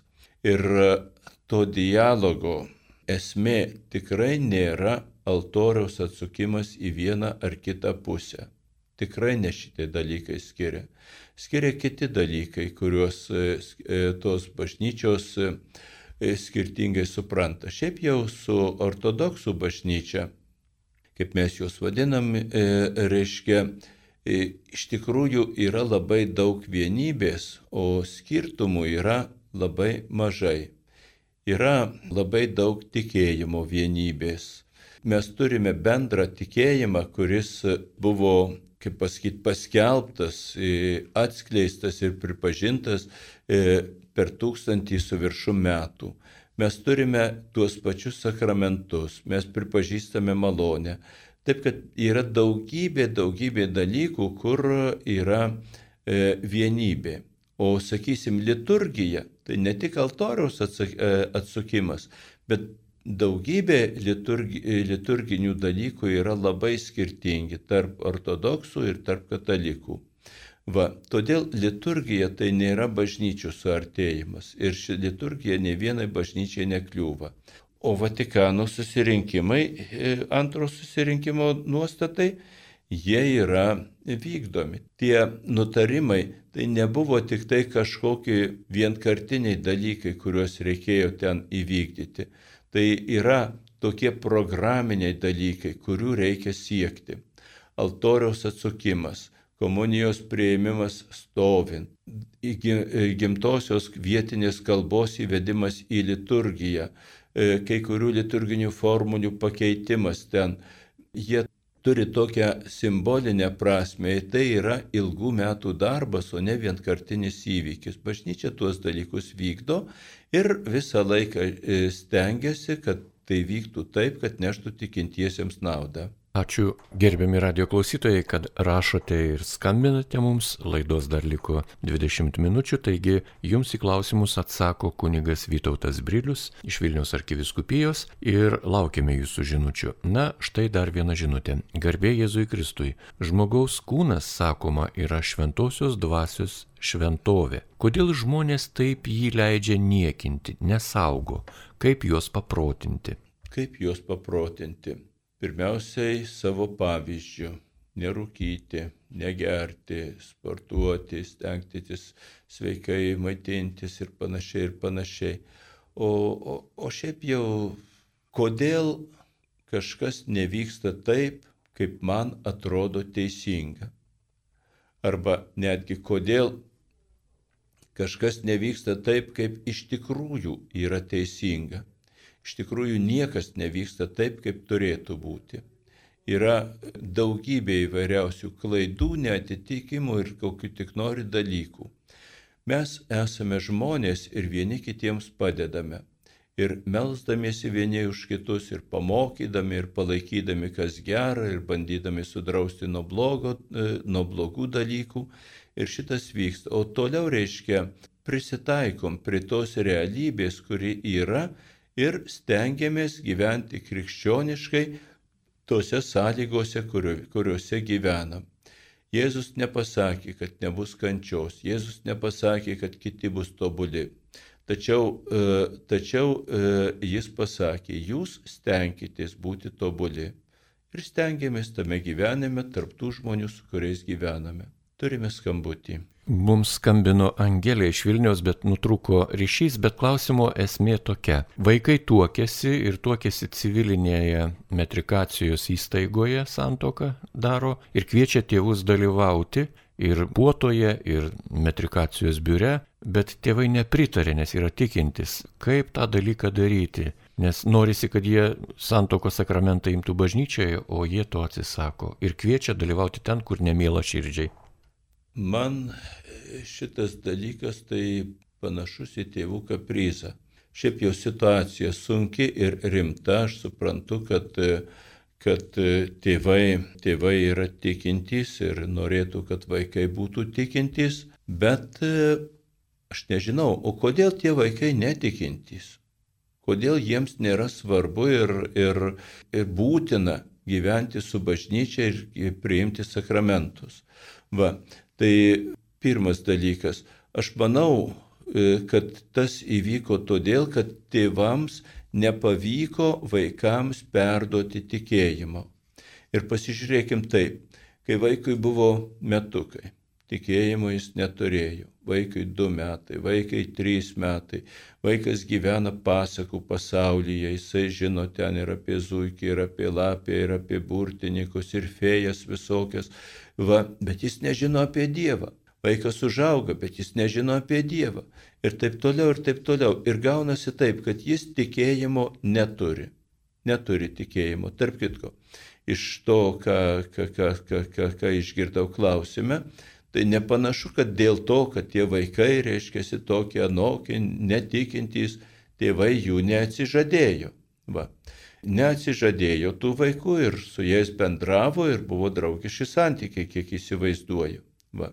Dabar e, kodėl tokią svarbę dieną, kada yra vestuvės ir tie vaikai, nu jau reikia pripažinti, suaugę, švenčia savo svarbę gyvenimo labai iškilmę, kodėl būtent tą dieną reikia su, sugadinti tą santykį ir ten tie vaikų išsižadėti, kada visą gyvenimą buvai su jais kartu. Va šitą klausimą reiktų išspręsti. Nebuvo ta blogi vaikai, Aš nežinau, būna net ir taip reiškiasi, aš nežinau kaip jūsų atveju, būna net ir taip, kad tie vaikai gyvena be santokos, gyvena tik krikščionių tėvų namuose ir nieko tokio ir nieko tokio. Bet va, nenuėjo prie altorius, tai aš su tavim nebendrausiu. Nu, trūksta logikos. Ir dar atsiminkite tokį dalyką. Jeigu žmogus net neturi tikėjimo, yra viena iš dogmų, bet tikėjimo nėra malonės. Tai va, santoka bažnytinė, jinai duoda teisę katalikams gyventi šeimoje, tačiau Dievo malonės be tikėjimo nesuteikia. Taip kad e, jums reikėtų apsvarsyti šitos dalykus ir ko gero, ko gero daug ir daug melsis už savo vaikus. Turim skambutį. Mums paskambino Stasys iš Vilniaus, taigi Stasy užduokite klausimą. Aš noriu paklausti gerbiamų kalbančių kunigų, kokia jo nuomonė, ką sako vidinis jo balsas apie bažnyčios ateitį. Ryšim su pandemija, ryšim su globaliniu atšilimu arba klimato kaita ir ryšim su žmonėmis, jų fizinis, dvasinis stovis stipriai keičiasi ir toli gražu ne viskas į gerą. Ačiū už atsakymą. Mhm. Žinot, aš savo vidiniu balsu tai nelabai ir linkęs klausytis. Man netgi šiandien vidinis balsas sakė, kad reikia atsibūdus dar ilgiau pagulėti, bet aš paėmiau ir atsikėliau. Va. Kas dėl bažnyčios, aš laikausi tikėjimo. O tikėjimas, tikėjimas ir, ir bažnyčia sako, kad bažnyčia išliks per visą žmonijos gyven, gyvavimo laikotarpį. Kiek laiko gyvos žmonija, aišku, kad ji nėra amžina. Lygiai kaip ir žmogus nėra amžinas. Ir visai nesvarbu, kad, kad žmogui užtektų tikėjimo, aš nežinau, 60, 90 arba 110 metų, ar ne?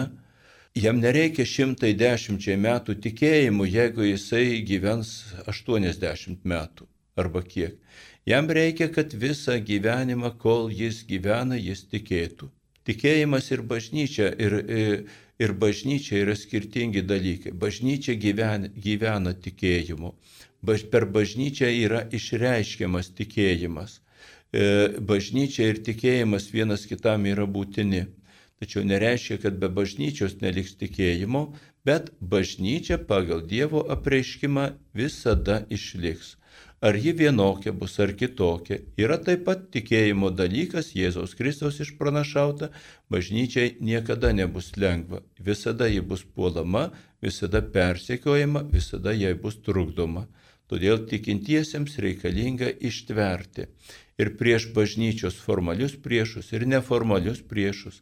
Ir kartais šeimoje būna vieni už tikėjimą, kiti ne už tikėjimą, būna, kad atvirai ir priešiškai, būna, kad gražiai ir saldžiai, visai būna. Mes turime tikėjimą ir todėl mes laikomės ir tikėjimo, laikomės Kristaus ir laikomės bažnyčiai. Bažnyčios, kuri tvers per visą žmonijos istoriją. O kaip ten kas bus, nu jau šito mes nežinom, negalim pasakyti. Skambutis. Mums paskambino Kestutis iš Kupiškio. Kestutį užduokite savo klausimą, prašom. Norėjau paklausti, o čia dviejų klausimų. Vienas yra, e, bažnyčia sako, kad čia visokie šamanizmai, čia iš šetono, bet man sveikata buvo blogai, padarė abredą ir aš dabar puikiai jaučiuosi. Tai jeigu žmogus gerai jaučiasi, tai man atrodo, koks jis, kaip ten gali Tai reiškia gerai, man gėris yra, tai kas, kaip čia gali šetoną būti. O kitas dalykas, kai jūs čia šnekat, kaip jūs nustatot, kuris dievas tikras, kuris netikras. Yra daug kultūrų, daug dievų, tai gal teisūs agnostikai sakydami, aš kai než, netikiu, nes nežinau. Nes, pažym, nu, jeigu aš, kaip sakyti, empiriškai šio dalyko nepažinojau, tai aš, nes e, pas budistus, sakysim, visai dievo nėra, pas sintoistus tenais daug dievų yra, ten pas kitus taip, o kuris tikras, tai jeigu aš tikiu, tai man tas ir tikras. O įdomu būtų sužinot, ar jūs tikite į kokį nors dievą? Aš? Taip. Ne, ne, ne, aš agnostikas. Jūs agnostikas. Nu, kaip aš galiu tikėti, jeigu aš nežinau? Aišku. Aš tik tai, pavyzdžiui, ar jūs tikite, sakysim, kad druska yra saldi? Aišku, netikit, nes jūs paragavot ir sužinojot, o prieš tai tikėjot. Bet jeigu aš neturiu galimybės tą dalyką pačiupinėti, ir kaip aš galiu tikėti? To, ko Aišku. nežinau. Labai įdomus dalykas, o kodėl jūs kreipėtės tada apieigų, kad pagerintų sveikatą, jeigu jūs netikit? Labai tas dalykas turi placebas. Ai, tai, yra, tai yra skirtingi dalykai. Jeigu žmogus tiki, tai jam ir padeda. Čia, čia esmė, tikėjimo esmė, bet ne, ne Dievo esmė. Nu, matot, jūs gerai labai pasakėte tą dalyką. Jeigu, jeigu druska yra sūri, tarp kitko, čia jūs blogai tikit, ji nėra saldi. Dar kartą paragaukit. Jeigu jinai sūri, tai nepriklauso nuo mūsų tikėjimo. Jeigu kažkas, aš nežinau, žmogus, Paimkim tarp kitko gražų pavyzdį, politikas kažką tau labai gražiai šneka, tai nebūtinai e, yra tiesa. Tiesa yra tai, kas atitinka tikrovę. Jeigu tikrovėje Dievas egzistuoja, tada jis egzistuoja nepriklausomai nuo tikėjimo. Jeigu kažkas egzistuoja, jis gali būti pažintas pilnai arba nepilnai gali būti pažintas vienokiu arba kitokiu požiūriu. Tie dalykai, kurie tikrai egzistuoja. Pavyzdžiui, dabar mokslas pasiekė tokias e, gelmes, kaip sakysim, tos elementarios dalelės, mes e, tikrai esame įsitikinę ir patirtimi patiriame, kad egzistuoja materija. Bet kai ten jau nusismulkiniai tuos dalykus, tai tą pačią materiją, sakysim, jeigu jeigu tikėsim, kad elektronas yra materijos dalelė, ar ne? E, tačiau kyla klausimai tokie. Ar tai yra materija, jeigu neturi masės? E, elektrono esmė yra krūvis. Tas krūvis turi savo greitį. Elektronas gali būti kaip banga išslidus po visą visatą, gali būti tarsi kieta dalelė, kaip pažiūrėsi va. Bet nepaisant viso to, jeigu nebūtų elektronų, nebūtų to, ką mes vadinam materija ir panašiai ir panašiai. Dievas yra nepriklausomai nuo mūsų tikėjimo ir jis tikrai yra, o mes jį stengiamės pažinti. Ir krikščionybė nesako, kad ji pilnai pažįsta Dievą. Krikščionybė yra suskilusi į daugybę, daugybę atskirų konfesijų, kurios, kurių kiekviena turi truputį skirtingą Dievo sant, sampratą, kaip jis veikia ir ko jis nori. Va. Ir tarp kitko, tikėjime esmė yra ne, e, ne e, Dievo samprata, žinojimas, kaip jis ten yra ir iš ko jis padarytas, bet žmogaus santykis su Dievu. Čia yra esminis dalykas, kaip žmogus kokį turi santykį su Dievu. Mūsų e, krikščionybės tai yra meilės ir bendradarbiavimo santykis. Į tuos dalykus atsako krikščionybė. Ir tada žmogus mato savo prasme. Šiaip jau aš manau, kad net ir agnostikas turėtų, turėtų vis dėlto pastebėti empiriškai praktiniu būdu, kad gyvenimas yra sunkus. Bet kažkodėl jis vis tiek gyvena, jis neina žudytis, nors gyvenimas yra sunkus. Jeigu nėra, kito, jeigu nėra Dievo, jeigu nėra kito gyvenimo, jeigu nėra prasmės, kur įprasmina, įprasmina net ir sunkų gyvenimą, tai tada neturėtų būti ir noro gyventi. Bet ir agnostikai nori gyventi. Ir ačiū Dievui. Todėl, kad Dievas jums duoda, palaiko ir įkvepia. E, esminis dalykas, ką norėčiau jums pasakyti, tai tiesos reikia ieškoti ir tiesai reikia paklusti. Nieko baisaus, jeigu žmogus kažkaip kitaip supranta, kažkaip kitaip galvoja. Blogai yra tada, kada žmogus užsispiria ir tiesos daugiau e, nebeieško kuris sako, aš jau viską žinau ir man daugiau nieko nereikia. Tai va. Dar viena žinutė. Kaip tampama kunigu Melchizedeko būdu? Ačiū Valerija iš Zarasų. Kunigu Melchizedeko būdu. Čia yra toks neapibrieštas dalykas ir galima taip plačiai, plačiai reiškiasi aiškinti, kad net ir neaišku, kaip, kaip atsakyti. Melchizedekas tai buvo karalius ir kunigas Abraomo laikais, peros Abraomo laikais, e, kada, o gal Mozės laikais, neatsimenu tiksliai, peros Abraomo, ne, Mozės turbūt laikais. Kada e, buvo kova, e, žydai laimėjo kovą prieš savo kažkokius eilinius priešus dykumoje ir aukojo auką ir ten sutiko, atvyko Melchizedeka, kuris buvo karalius, dabar pamiršau, kažkas tai su šalomu, šalomo karalius ar kaip, tai reiškia taikos ramybės karalius, kuris aukojo auką Izraelio Dievui. Apie Kristų yra pasakyta, kad jis yra kunigas Melchizedeko būdu. Todėl, kad neaišku, iš kur tas Melchizedekas atsirado, Neaišku, kur jis nuėjo, jis buvo tarsi tiesiog iš nieko.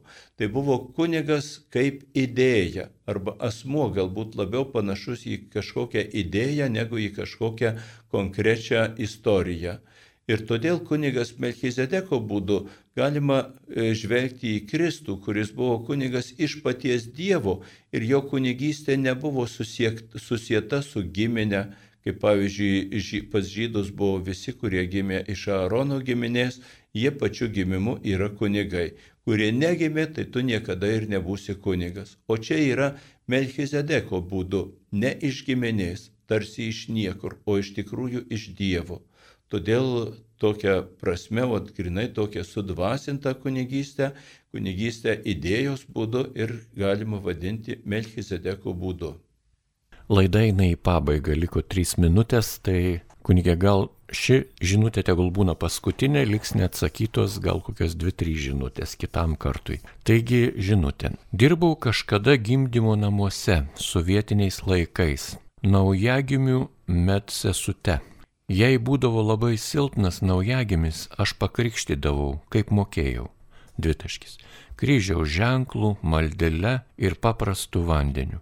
Mamai niekada nepasakydavau, ar nepakenkiau vaikui. Tas krikštas nebuvo krikštas turbūt. Ačiū, tai prašo genutė. Jūs padarėte vieną klaidą, kiek aš supratau iš žinutės, jums reikėjo susitikti su kunigu ir pasiaiškyti, kokiu būdu yra krikštijamas. Žinot, va, krikštas mirties pavojuje, čia galima situacija tai būtų apibūdyti, arba krikštas mirties atveju, kada aišku, kad žmogus jau miršta, kaip ir kiekvienas geras darbas mirties pavojui arba mirties atveju. Čia nereikia nei formalumų, nei kažkokių leidimų, nei nieko. Tiesiog imi ir darai, kas yra gerai. Šiaip jau aš irgi iš tarybinių laikų kunigas ir mus mokė ir mes taip pat ir aš, ir kiti kunigai, ir, ir, ir, ir aš ne vieną ir ne vieną pamokiau, kaip reikia krikštyti. Reikia pilti vandenį e, ant bet kurios kūno vietos ir pasakyti vardą ir pasakyti, aš tave krikštiju vardan Dievo tėvo ir sūnaus ir šventosios dvasios.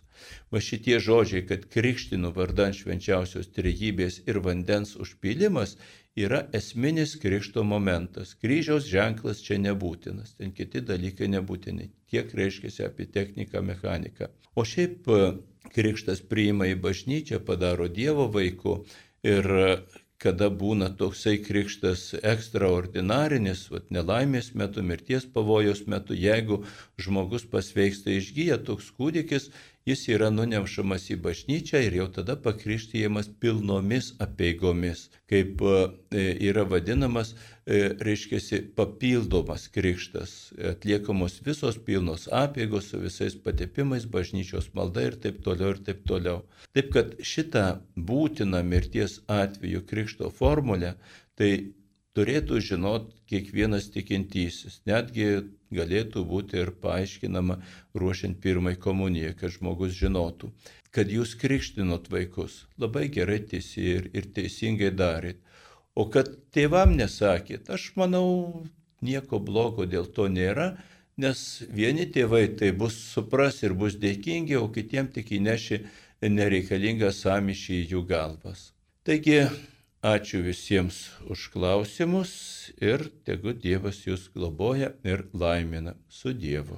Malonus Marijos radio klausytojai, šiandien su jumis laidoje bendravo kunigas, kanonų teisės daktaras, Vilniaus arkiviskupijos bažnytinio tribunolo oficiolas Vytautas Brilius. Dėkojame, kad uždavėte klausimus ir dėkojame kunigui už atsakymus. Jam prie pulto padėjo Liutauras Serapinas, likite su Marijos radiju.